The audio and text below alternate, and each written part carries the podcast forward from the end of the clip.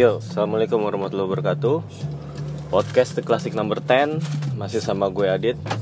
Ya kali ini gue akan membahas tentang eh, Review lah, sedikit review tentang Transfer dari AC Milan Ya, sedikit aja karena emang uh, Gue lagi apa Lagi ada urusan jadinya nggak bisa lama-lama untuk ngebahas ini. Uh, Jadi gini singkatnya ya. Kemenangan dalam sebuah pertandingan itu kan ditentukan lewat skor berapa. Kalau kita bikin gol lebih banyak kita menang.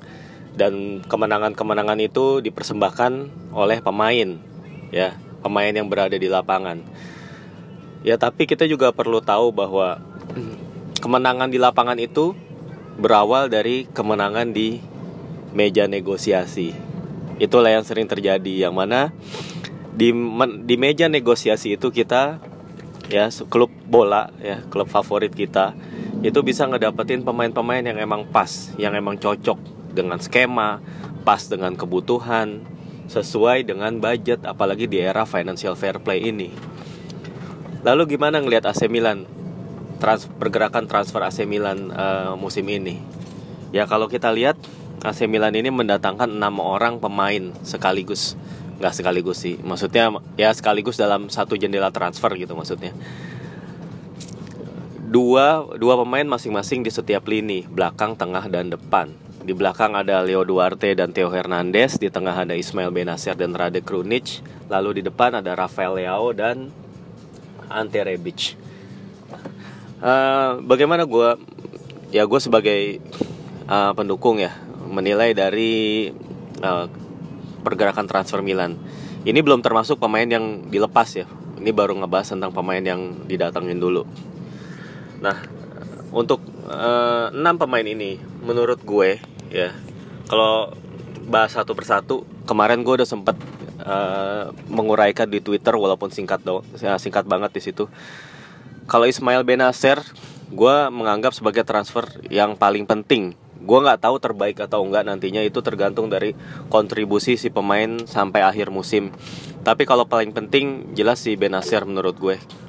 Kenapa? Karena Benacer dari posisinya seorang gelandang bertahan yang juga uh, mengatur serangan dari tengah situ. Dari depan uh, quartet back ini menurut gue perannya sangat krusial banget mengingat Milan itu agak kurang di dalam posisi ini sejak malah sejak kepergian Andrea Pirlo. Gua nggak bilang bahwa Benacer ini akan sehebat Pirlo atau gimana. Tapi yang jelas dia adalah yang setelah Pirlo menurut gue dia bisa jadi yang terbaik gitu loh. Maksud gue uh, dia punya potensi, dia punya untuk jadi pemain besar gitu ya. Asal ya attitude-nya bener, asal nggak cedera, asal nggak aneh-aneh lah pokoknya gitu. Sebenarnya Bakayoko kemarin itu bisa banget diharapin seperti itu. Cuman di akhir musim dia attitude-nya rada aneh. Kayak kayak sempat insiden sama ACRB lalu kemudian telat datang latihan ribut sama pelatih yang gitu-gitu. Menurut gue itu sayang sangat disayangkan. Mungkin itu salah satu alasan Milan batal mengontrak dia secara permanen gitu. Selain dari harganya yang cukup mahal dan gajinya yang cukup tinggi. Ya uh, Benacer ini semuanya setengahnya dari Bakayoko lah. Harganya setengahnya gajinya juga setengahnya. Tapi kualitas gue gue bisa gue bisa yakin kualitas dia 11-12 dengan Bakayoko. Ya secara fisikal dia memang berbeda tipe dengan Bakayoko ya. Bakayoko kan jago banget berduel gitu dan dan bener-bener uh, ya dia punya visi juga. Dia jago intercept juga Sementara Benacer pemain yang lebih berbeda, yang punya flair, punya visi, tapi dia juga bisa ngebaca permainan layaknya Bakayoko. Dia jago mengintercept bola dan waktu lawan Brescia dia nunjukin banget stabil banget di tengah tengah Milan dengan adanya dia gitu. Ya harusnya sih gue malah yakin ya dia bisa nunjukin permainan ini permainan seperti ini sepanjang musim dan bahkan akan lebih meningkat lagi gitu. Dia akan jadi pemain yang transfer yang penting menurut gue. Pergerakan yang cerdas dengan 1,6 juta euro per tahun dan 16 juta euro untuk biaya transfernya menurut gue ini pergerakan yang cerdik. Lalu kemudian yang kedua yang yang juga penting adalah Theo Hernandez. Ini pemain yang sangat agresif ya, pemain back kiri yang benar-benar dengan kemampuan sega, uh, kemampuan seperti itu ya walaupun di Milan baru bermain uh, se sebanyak dua kali ya lawan Novara dan lawan si Bayern Munchen dan Bayern lawan Bayern Munchen juga cuma satu babak.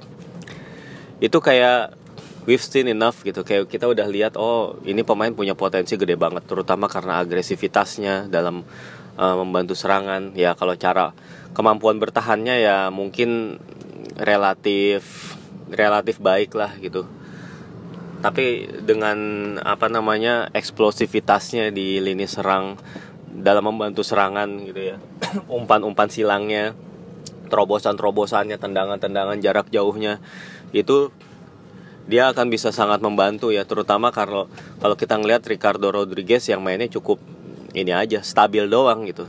Dia cuma stabil banyakkan ke kebanyakan umpan ke belakang safe uh, playing safe tapi dia nggak nggak banyak memberikan uh, apa namanya bantuan ataupun juga ketajaman pada saat uh, rekan-rekannya di depan itu sedang membutuhkan gitu. Ini akan menjadi upgrade yang sangat-sangat signifikan menurut gue Theo Hernandez ya setelah selain dari Ismail Benacer dan yang ketiga Ante Rebic ini jelas tambahan yang menurut gue sangat baik sih uh, tapi ya memang board Milan ini nggak menjadikan Rebic pilihan utama. Pilihan utama mereka kan Angel Korea lalu kemudian Everton Suarez. Uh, Rebic ini bisa dibilang alternatif dari alternatif lah gitu. Tapi ya siapa sih pemain Milan yang bukannya bukan dari pilihan utama? Benacer kan sebenarnya juga alternatif dari Lucas Torreira kan gitu. Cuman Theo Hernandez doang yang gue lihat emang bidikan utama yang berhasil didapat kalau nggak salah ya terus kemudian kalau mengenai Ante Rebic tadi Rebic ini kita nggak usah ragukan. Dia kalau dari apa ya kemampuan terbaiknya ya dia adalah pemain serba bisa skillful uh, fighter uh, punya kecepatan dan kemampuan fisikal yang sangat-sangat bisa berguna. Lalu kemudian secara pengalaman dia juga udah benar-benar malang melintang di Bundesliga pernah main di Serie A. Dan bahkan dia adalah pemain inti Kroasia di Piala Dunia 2018 saat mereka melaju hingga babak final. Dia bisa berduet uh, dengan Mario Mandzukic pada saat uh, di timnas Kroasia dan juga Ivan Perisic. Mereka membentuk trio yang benar-benar bagus. Dan sementara di klub sebelumnya uh, klub sebelum Milan yaitu Eintracht Frankfurt si Rebic juga membentuk trio uh, penyerang bersama Sebastian Haller dan Luka Jovic. Itu mereka sangat berbahaya interchange posisi yang juga yang sangat-sangat dinamis ya. Yang mana tapi kalau di Milan nanti dia akan menemukan hal yang sedikit berbeda sih baik Suso maupun Christoph Piontek yang akan jadi rekannya nanti. Itu pemain yang tipe pemain yang nggak sedinamis si Luka Jovic dan juga si Sebastian Haller sih gue rasa tapi ya nggak masalah lah harusnya. Paling yang jadi sedikit kekhawatiran adalah faktor kedisiplinan dia dalam hal uh, terlalu banyak melakukan pelanggaran dan uh, menghasilkan kartu. Um, catatannya itu 53 kartu kuning dan 3 kartu merah selama 3 musim di Bundesliga. Artinya secara rata-rata dia uh, terkena kartu hukuman kartu merah sekali dalam semusim. Nah itu bisa jadi gangguan juga mungkin dia perlu lebih berhati-hati lagi. Dan apalagi dia harus menghadapi provokasi back-back Itali yang kadang-kadang tuh ya bisa megang bener-bener megang pakai dua tangan lah bisa nendang lah bisa ngapain aja lah gitu. Tanpa terlihat wasit. Atau bahkan terlihat wasit tapi wasit pun ngebiarin aja gitu. Lalu kemudian uh, Ante Rebic juga mungkin harus mewaspadai uh, pengalamannya di Serie A Italia atau sepak bola Italia lah yang nggak terlalu mulus. Dua musim di Fiorentina dia nggak banyak kontribusinya. Dan nggak nggak banyak bermain, nggak banyak bikin gol. Lalu kemudian ketika main di Hellas Verona juga dia nggak bikin gol. Artinya uh, skiprahnya di sepak bola Italia itu justru nggak sukses itu. Dia lebih sukses di Bundesliga ya ketika bersama Frankfurt dan siapa? RB Leipzig ya kalau nggak salah dia pernah main di situ. Sorry gue belum sempat research banyak tentang dia. Tapi ya dari beberapa kali yang pernah gue lihat dia sih akan uh, cocok banget dengan skema Jampolo kalau gue bilang gitu. Kemudian yang keempat kelima keenam ya itu ada Leo Duarte lalu kemudian Rade Krunic dan Rafael Leao Nah kalau Leo menurut gue ada potensi besar karena dia masih 20 tahun dianggap sebagai hot prospect di Eropa pernah diincar klub-klub seperti Manchester City itu ngebuktiin ya kalau lo diincar oleh tim yang dilatih oleh Pep gitu berarti lo punya sesuatu gitu punya kualitas punya skill entah itu punya footballing brain dan sebagainya. Yang mana ini sebenarnya belum terlihat uh, di Milan ya. Uh, Leo ini masih raw banget masih mentah banget talentanya kelihatannya. Uh, apalagi kalau main di Serie A gue nggak ngerti gimana dia akan bisa ngelepasin diri dari penjagaan backpack ya. Tapi jelas ini adalah uh, tempat di mana dia bisa benar-benar uh, memiliki room of improvement yang sangat luas gitu ya. Di tangan pelatih seperti Jampolo lalu kemudian uh, di tim seperti Milan yang sekarang banyak pemain muda seperti dia gitu. Gua rasa sih ini akan jadi musim yang penuh pembelajaran bagi Leo. Dia mungkin gak akan langsung berkontribusi uh, banyak dalam hal gol dan assist ya, tapi presence dia nanti misalnya kalau di uh, sebagai pem, uh, apa ditempatkan sebagai pemain pengganti, gua rasa itu akan sangat berharga buat Milan gitu ketika misalnya mengalami kebuntuan. Dan dia juga layak menurut gue sih sesekali dicoba uh, di posisi starter ya. Dia langsung diduetin sama Piontek, gua rasa sih nggak ada masalah juga untuk itu semoga aja Jampolo bisa ngasih kesempatan berharga itu gitu. Lalu kemudian untuk Rade Krunic dan Leo Duarte menurut gue ya dua pemain ini mungkin signing yang nggak terlalu diantisipasi oleh uh, Milanisti ya. Tapi Rade Krunic ini adalah signing pertama dari manajemen yang diawaki oleh Maldini dan Boban dan juga Ricky Masara. Saya Krunic ini datang pertama yang mana ya mereka udah tahu bahwa Krunic ini punya sesuatu, punya potensi besar sehingga dia uh, keburu diamankan oleh manajemen Milan karena dia tahu seberapa besar potensinya ini gitu. Ya makanya harusnya gua harap sih Jampolo memberikan kesempatan lebih ya ke Krunic tapi sayangnya dalam uh, apa namanya laga-laga pramusim ataupun juga pertandingan Serie A kemarin dua pertandingan uh, Krunic belum dimainin dan waktu di pramusim juga jarang dimainin. Malah ketika uh, apa namanya ada ada pilihan bagi Jampolo untuk nurunin si Krunic atau si Fabio Borini uh, Jampolo malah milih Fabio Borini gitu bukan Krunic. Mungkin karena faktor fisik Borini yang lebih siap gitu ya. Tapi ya jelas kalau kita berbicara siapa gelandang yang lebih baik antara Krunic dan Borini ya itu jawabannya udah jelas gitu.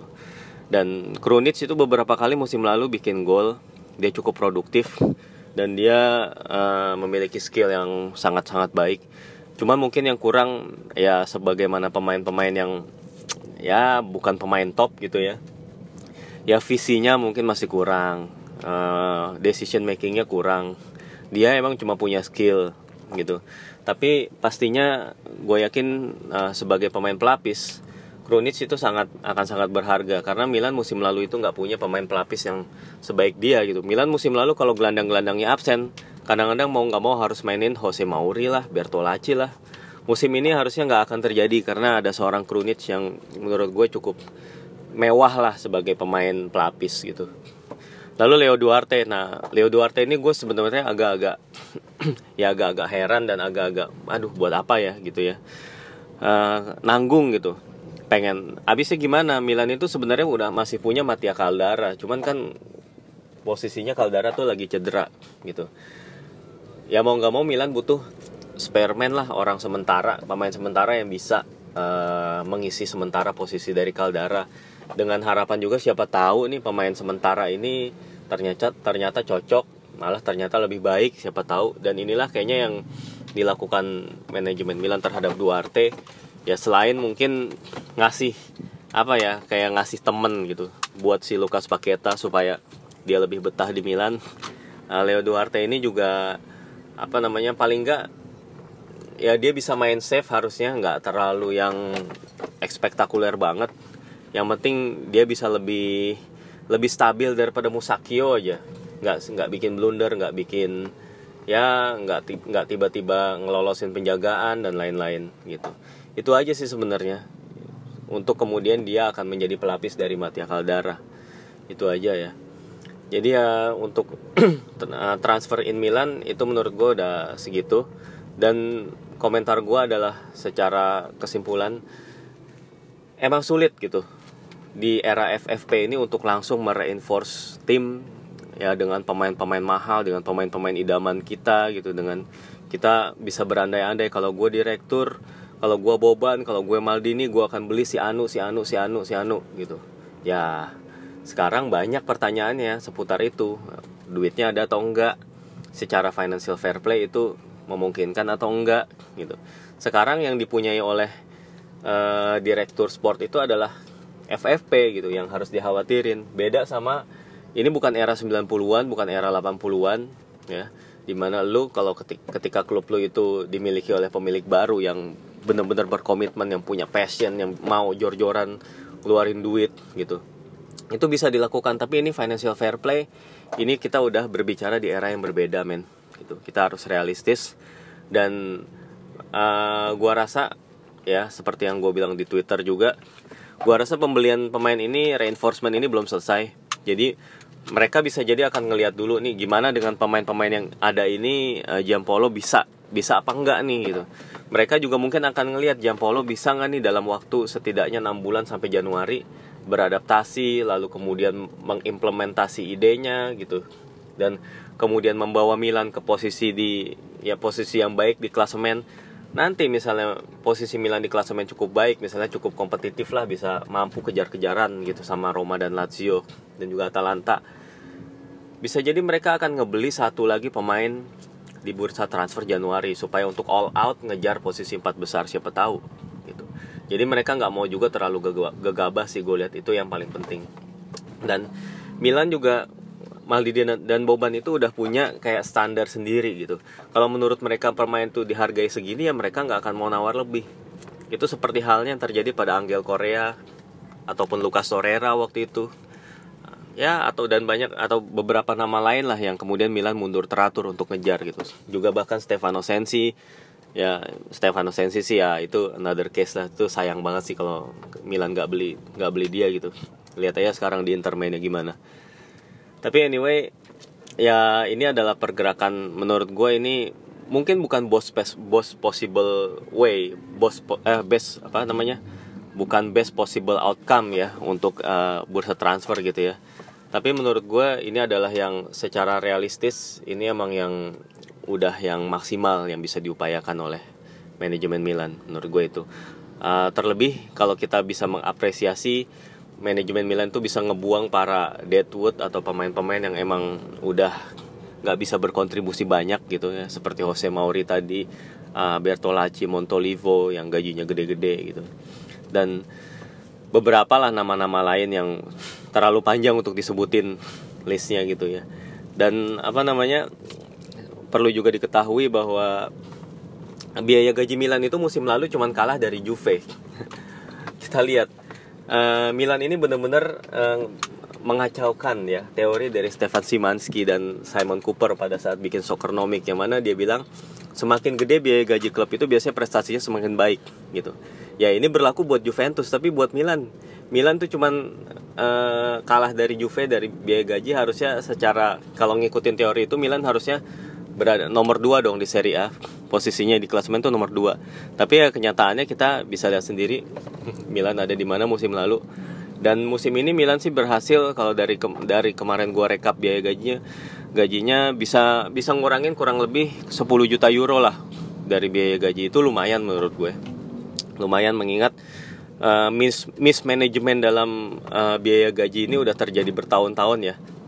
Dan baru kali ini bener-bener kayak bisa diberesin gitu. Artinya dalam tanda kutip eh, sisa-sisa dosa atau pemain-pemain yang flop itu udah nggak ada lagi di Milan.